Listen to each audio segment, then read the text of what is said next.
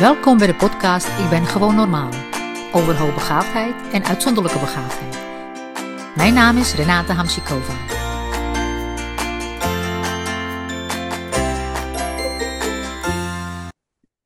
Goedemiddag. Het is vandaag echt een prachtige zonnige dag.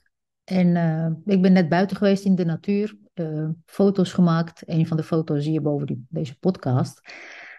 En ik wil graag uh, nou ja, wat gedachten met je delen over eigenwaarde.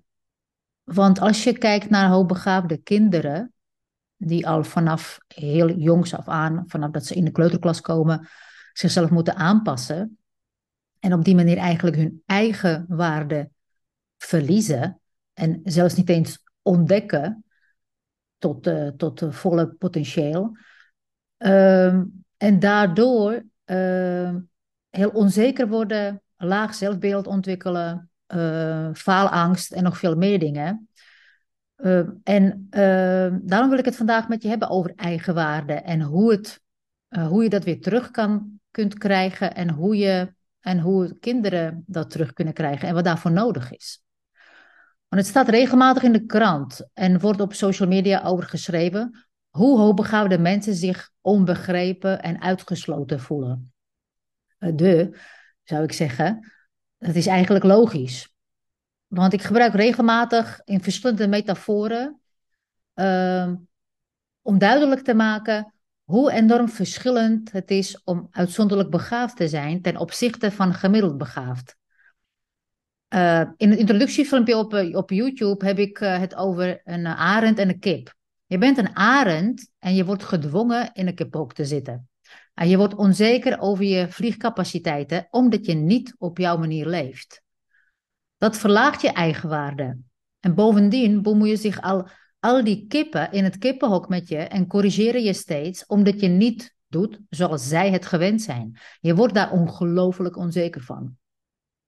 En ik praat er vaak over in mijn masterclasses en programma's. En het komt altijd weer terug. Eigenwaarde. Het opbouwen van eigenwaarde gaat over weten wie je bent. En een van de belangrijkste redenen waarom mensen zich niet waardig voelen, is omdat ze hun gevoel van waarde op anderen baseren. Plaats je jouw verwachtingen en ideeën over wie je zou moeten zijn op een voetstuk en maak je er een middelpunt van je universum? Als je dat doet, zie je jezelf door de ogen van anderen, niet door jouw eigen ogen. En waar is je eigenwaarde? Eigenwaarde opbouwen die onwankelbaar is en van binnenuit komt, gaat in de eerste plaats over het worden van wie je bent en trouw aan jezelf zijn. En hoogbegaafde kinderen wordt vanaf kleins af aan verteld wie ze moeten zijn en hoe ze zich handig moeten aanpassen. Er zijn zelfs sociale vaardigheden trainingen waarin kinderen geleerd wordt hoe ze zich moeten aanpassen. Het gaat niet om gedragingen gebaseerd op de essentie van het kind. Nee, hoogbegaafde kinderen wordt daar geleerd hoe ze zich moeten aanpassen aan het gemiddelde. En dus hoogbegaafde kinderen wordt geleerd hoe ze zichzelf moeten verliezen. En dat gaat ver, want als het niet lukt, ben je een probleemgeval. Begrijp goed wat ik hier zeg en laat het tot je doordringen. Authentiek zijn is je geboorterecht. Zonder authentiek zijn dus, zonder jezelf zijn, verlies je je balans, je kern, je essentie. Je wordt gedesintegreerd. Je ziel is versnipperd. Je persoonlijkheid is versnipperd. Je bestaat niet. En dit leidt tot trauma. Trauma, waar veel hoogbegaafde kinderen mee te maken hebben, is eigenlijk geen schooltrauma, het is het trauma van identiteitsverlies en niet mogen zijn wie je bent. Het is veel heftiger dan bang zijn voor een gebouw of een juf. Dat gaat tot aan je ziel, tot aan je merg, begrijp je? Het is, het is heel erg diepgaand en eh, vaak eh, blijvend als je daar niet bewust van bent. Het is een trauma gebaseerd op uitsluiting. En dan moet je ongelooflijk sterk zijn en trouw aan jezelf blijven als je hier onbeschadigd uit wil komen. En die externe validatie wordt al bij heel jonge kinderen geïntroduceerd. Ze worden beloond, krijgen een sticker, een krul, een ijsje, uh, noem maar op. Maar deze conditionering van validatie geven leidt tot zoeken naar validatie. Kinderen en volwassenen kunnen zonder externe validatie geen stap verzetten. Ze zijn niet zelfstandig en autonoom.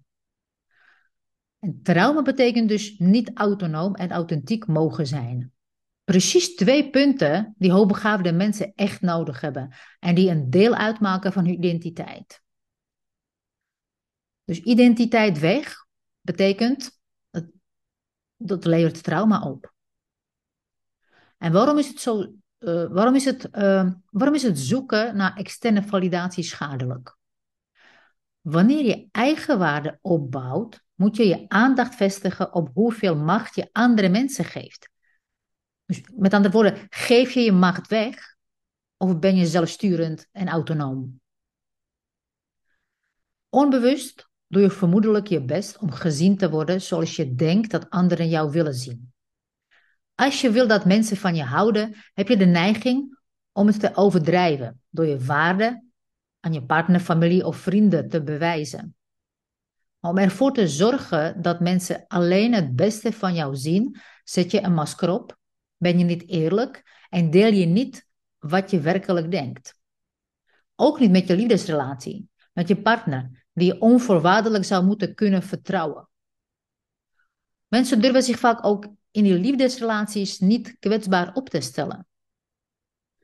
Kinderen durven dat vaak niet bij hun ouders en iedereen wil aan de verwachtingen van anderen voldoen. Je beoordeelt bepaalde aspecten van jezelf als ontoereikend en begraaft ze diep, zodat niemand ze kan zien. Hoewel jouw smiley-essentie aan de oppervlakte toont uh, wat je wil laten zien, voel je je van binnen waardeloos omdat je je goed bewust bent van datgene wat je verstopt.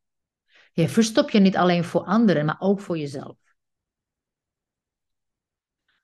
En wat op school kinderen leren, externe validatie en aan de verwachtingen voldoen, is het ergste wat je een jong kind kunt leren. Je maakt hem afhankelijk en neurotisch. Hoogbegaafde kinderen moeten zich aanpassen. Daar schrijf ik uh, uh, veel over en praat ik daar steeds over, omdat dat echt schadelijk is. Volwassenen hebben de persoonlijke macht om dat te veranderen. En als je kinderen hebt, leer je kind wat eigenwaarde is. En begin bij jezelf en geef het door. Hoe zou je leven veranderen als je je waarde onafhankelijk zou maken van anderen? Als je dus je eigen waarde zou bepalen. Externe validatie zoeken en daarvan afhankelijk zijn is een vorm van verslaving. Maar wanneer je de validatie en acceptatie ontvangt, krijg je een zelfvertrouwen boost. Maar als je die niet ontvangt, ga je over op zelf, zelfveroordeling.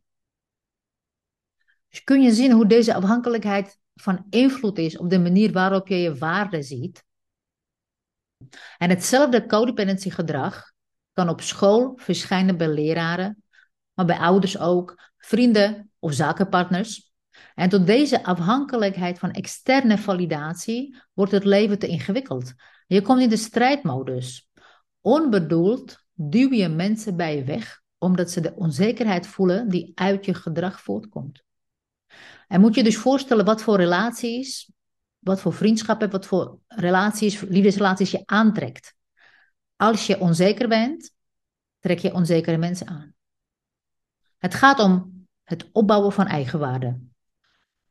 Want afhankelijk maken of afhankelijk worden of blijven van anderen is een vicieuze cirkel. Soms kun je een boost krijgen van validatie en andere keren niet. En je geeft op die manier je macht weg en laat je emoties en je eigenwaarde bepalen door anderen. Om hier uit te komen moet je leren onafhankelijk te zijn. Dus vanuit je autonomie leven. Je hebt die vaardigheden van hoogbegaafde rebel nodig. Waar ik op uh, aparte online module over heb. Je hebt een heel nieuw set vaardigheden nodig die niet op school geleerd worden. En die vaak ook niet door ouders geleerd worden. Omdat die, uh, de ouders vaak ook onafhankelijk, uh, onafhankelijkheid nog niet hebben uh, geleefd. Ze zijn afhankelijk van meningen van anderen. Dus als je volwassen bent, en eh, als je ouder bent, is het echt belangrijk om je eigen onafhankelijkheid te ontdekken en het te gaan leven. Want alleen jij bepaalt je waarde. Kun je je de vrijheid voorstellen wanneer het niet uitmaakt wat anderen over je denken of zeggen, of hoe ze reageren of juist niet reageren? Hoe zou je leven anders zijn als je niet zou proberen om op een bepaalde manier gezien te worden? Hoogbegaafde kinderen moeten dit van hun ouders leren. Alle leerkrachten op alle scholen moeten dit leren, zodat ze kinderen juist helpen hun eigen waarde te versterken en hen niet kleineren en dwingen tot aanpassing. Nou, de meeste leerkrachten beseffen niet welke schade ze aanrichten en het zou bij de lerarenopleiding een hoofdonderwerp moeten zijn. Hoe geef je les aan kinderen terwijl hun autonomie en authenticiteit bewaard blijft? Dat moet op, echt op Pabo geleerd worden. Want we kunnen daar niet afhankelijk van zijn. Daarom deel ik mijn inzichten vandaag met je om jouw bewustwording te vergroten en om je wakker te schudden. Ja, oké, dus uh, een paar punten over hoe eigenwaarde op te bouwen. Um, als het gaat om eigenwaarde en zelfvertrouwen, is de gemene deler dat je anderen tot middelpunt van je universum maakt. Dat is de reden waarom het zo uitdagend lijkt om te weten hoe je eigenwaarde kunt opbouwen. Omdat al je aandacht op hen gericht is, op die anderen, in plaats van op jou. Je richt je aandacht extern in plaats van intern. En kinderen worden dit vanaf kleins af aan aangeleerd. En als je hoogbegaafd bent en nog meer, als je uitzonderlijk begaafd bent, geef je te veel van jezelf weg. Je hebt te maken met energielek en dat put je uit. En bovendien pas je je dan te veel aan uh, naar het gemiddelde toe. Je bent een arend in een kippenhok, wat ook heel uitputtend is. Je eindigt dus als een hoop ellende. Niet verankerd in je zijn, in je eigen waarde. En je eigen waarde in handen van anderen, niet wetend wie je bent. Om je gevoel van eigenwaarde te vergroten, moet je de focus op jezelf verleggen. Stel jezelf deze vragen. Op welke levensgebieden richt ik me op wat anderen willen in plaats van wat ik wil? Waar mis ik mijn innerlijke kracht? Wat is de oorzaak van mijn lage eigenwaarde? Waar moet ik mezelf in mijn dromen ondersteunen? Wat wil ik? Deze vragen zullen je helpen de rode draad te, zien waarom je moeite hebt om jezelf volledig te accepteren en lief te hebben. En je kunt je vrij voelen en deze vragen nog verder uitdiepen. Leef je een plaatsvervangend leven? Ik heb gemerkt dat mensen met een lage eigenwaarde een leven vol vervangers hebben. Ze hebben niet het huis of de auto die ze graag zouden willen. Ze doen niet het werk dat hen blij maakt, maar in plaats daarvan nemen ze genoegen met uh, een veilige salaris, wat logisch is voor een bepaalde periode. Maar het is altijd goed uh, om een grote visie te hebben en waar je aan, kunt werken. Dus een bepaalde dromen, visies en doelen. Mensen die geen gezonde eigenwaarde hebben, investeren niet in zichzelf en hun dromen als dat nodig is. In plaats van daarvan wachten ze ja, in, in, in een stilte, bijna onzichtbaar, op een wonder dat zal gebeuren en de loop van hun leven zal veranderen. Maar ze beschouwen zichzelf niet als de maker van hun ervaring. Ze beseffen niet dat zij de makers van hun werkelijkheid zijn. Door hun gedachten, door de woorden die ze zeggen, door hun houding, door, door ervaringen die ze voor zichzelf creëren, door alles. Zie je de correlatie tussen een lage eigenwaarde en een leven vol vervangers? Hoe kun je ooit in jezelf geloven als je niet gaat voor wat je verlangt? Hoe kun je jezelf verzekerd en gesteund voelen als je jezelf niet ondersteunt zoals je het echt nodig hebt? Weet je wat je echt nodig hebt en welke ondersteuning je jezelf moet geven? Jij moet het zelf ontdekken en voelen, omdat jij een arend bent. Dus een kip kan je niet vertellen hoe je moet leven. Het hebben van de vervangende levensstijl houdt je innerlijke kracht getemd en je waarde laag. Daarom worden hoogbegaafde kinderen ziek en daarom zitten ze thuis. Hun eigen waarde is zo laag door hun ziel te moeten negeren en zich moeten aanpassen, dat ze heel weinig levensenergie overhouden. Hun lichaam wordt ziek, hun geest sluit zich af. De zuiverheid van je intenties en de kracht van je gevoel en verlangens scheppen met jouw daadkracht jouw werkelijkheid. Dat is gewoon natuurkunde en biologie. Als een leeuw niet voor zichzelf zorgt, gaat hij dood. Jij gaat dood van binnen, heel langzaam. Eh, het is een, echt een bijzonder langzame dood, ongemerkt bijna, tenzij je het doorziet. En voor jezelf kiest.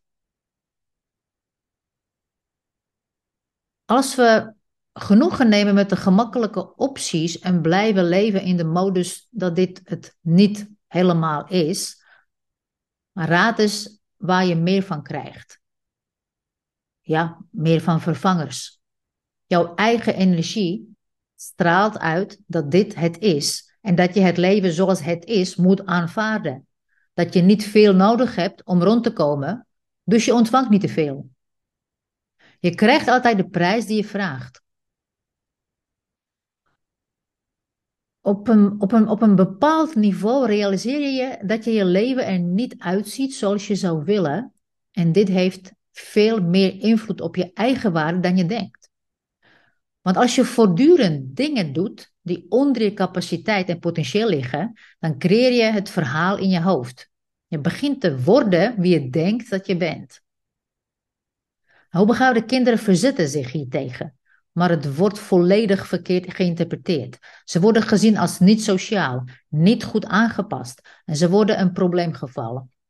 Terwijl het enige wat het kind wil is zichzelf mogen zijn, zijn bestaansrecht claimen. Hoe kun je je eigen waarde veranderen?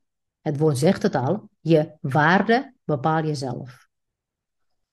En mijn suggestie is dan dat je zo eerlijk mogelijk naar je leven kijkt en evalueert waar je aan toe bent. Het betekent dat je jezelf de waarheid vertelt over wat je echt wil en het op papier schrijft. Dat je voelt, echt en oprecht voelt, waar het knelt, wat niet fijn voelt, wat je wilt veranderen. Net alsof je je broek te strak zit. Je weet exact de plek waar het niet lekker zit. Of dat je sokdubbel in je schoen zit of zoiets. Je voelt het gewoon heel goed en dan verander je dat. En dat, gaat, dat is met je binnenste ook. Als je van binnen uh, buikpijn hebt, je bekneld voelt, je keel, je, je kunt niet praten, je voelt het in je hele lichaam, ergens op een bepaalde plek, dan weet je weet eigenlijk al wat je zou willen veranderen. Dat moet je veranderen. En probeer jezelf niet te manipuleren. Op dit moment is het slechts een schrijfoefening maar elke verandering begint met, je, met, met uh, aan jezelf uh, toe te geven wat werkelijk uh, werkt en wat niet werkt. En als je zo'n lijstje maakt, herlees het dan en kies één ding dat je nu al kunt veranderen. Je zoekt naar een vervanger die je zou kunnen vervangen door de, het echte, echte ding. Om te beginnen kan het zoiets eenvoudig zijn als het kopen van een mooie koffiemok of een mooie Moleskine notitieboek en een mooie pen. Of het openslaan van een oud boek over een Spaans, dat je stiekem toch nog uh, hoopt te leren. Misschien besluit je om voor het avondeten een salade te gaan eten in plaats van kant-en-klare maaltijd. Het begint met kleine dingen. Hoe vergroot je je eigen waarde? Hoe zorg je voor jezelf? Hoe gun je jezelf het beste wat je, wat je kunt veroorloven. En ik heb het niet alleen over financiën, want je kunt je het beste veroorloven in je kwaliteit van je gedachten, kwaliteit van uh, wat je jezelf spraak. Of je jezelf wel of niet een uur in de natuur gunt. Of je jezelf gunt dat je ochtends in rust je kop koffie drinkt voordat je ergens heen uh, race. Dat kan bestaan uit kleine dingen. Dus begin klein en ga door met het upgraden van het ene levensgebied naar het andere. En deze ene tool zal je eigenwaarde meer dan wat dan ook vergroten. Je upgrade op die manier je leven. Je zal de kwaliteit van je leven vergroten, omdat je aan jezelf denkt. Je waardeert jezelf zo dat je jezelf het beste gunt. En als je kinderen hebt, leer het alsjeblieft je kind. Als je vragen hebt, kun je me mailen op renata-iq.nl. Tot de volgende keer. Zorg goed voor jezelf en zorg goed voor elkaar.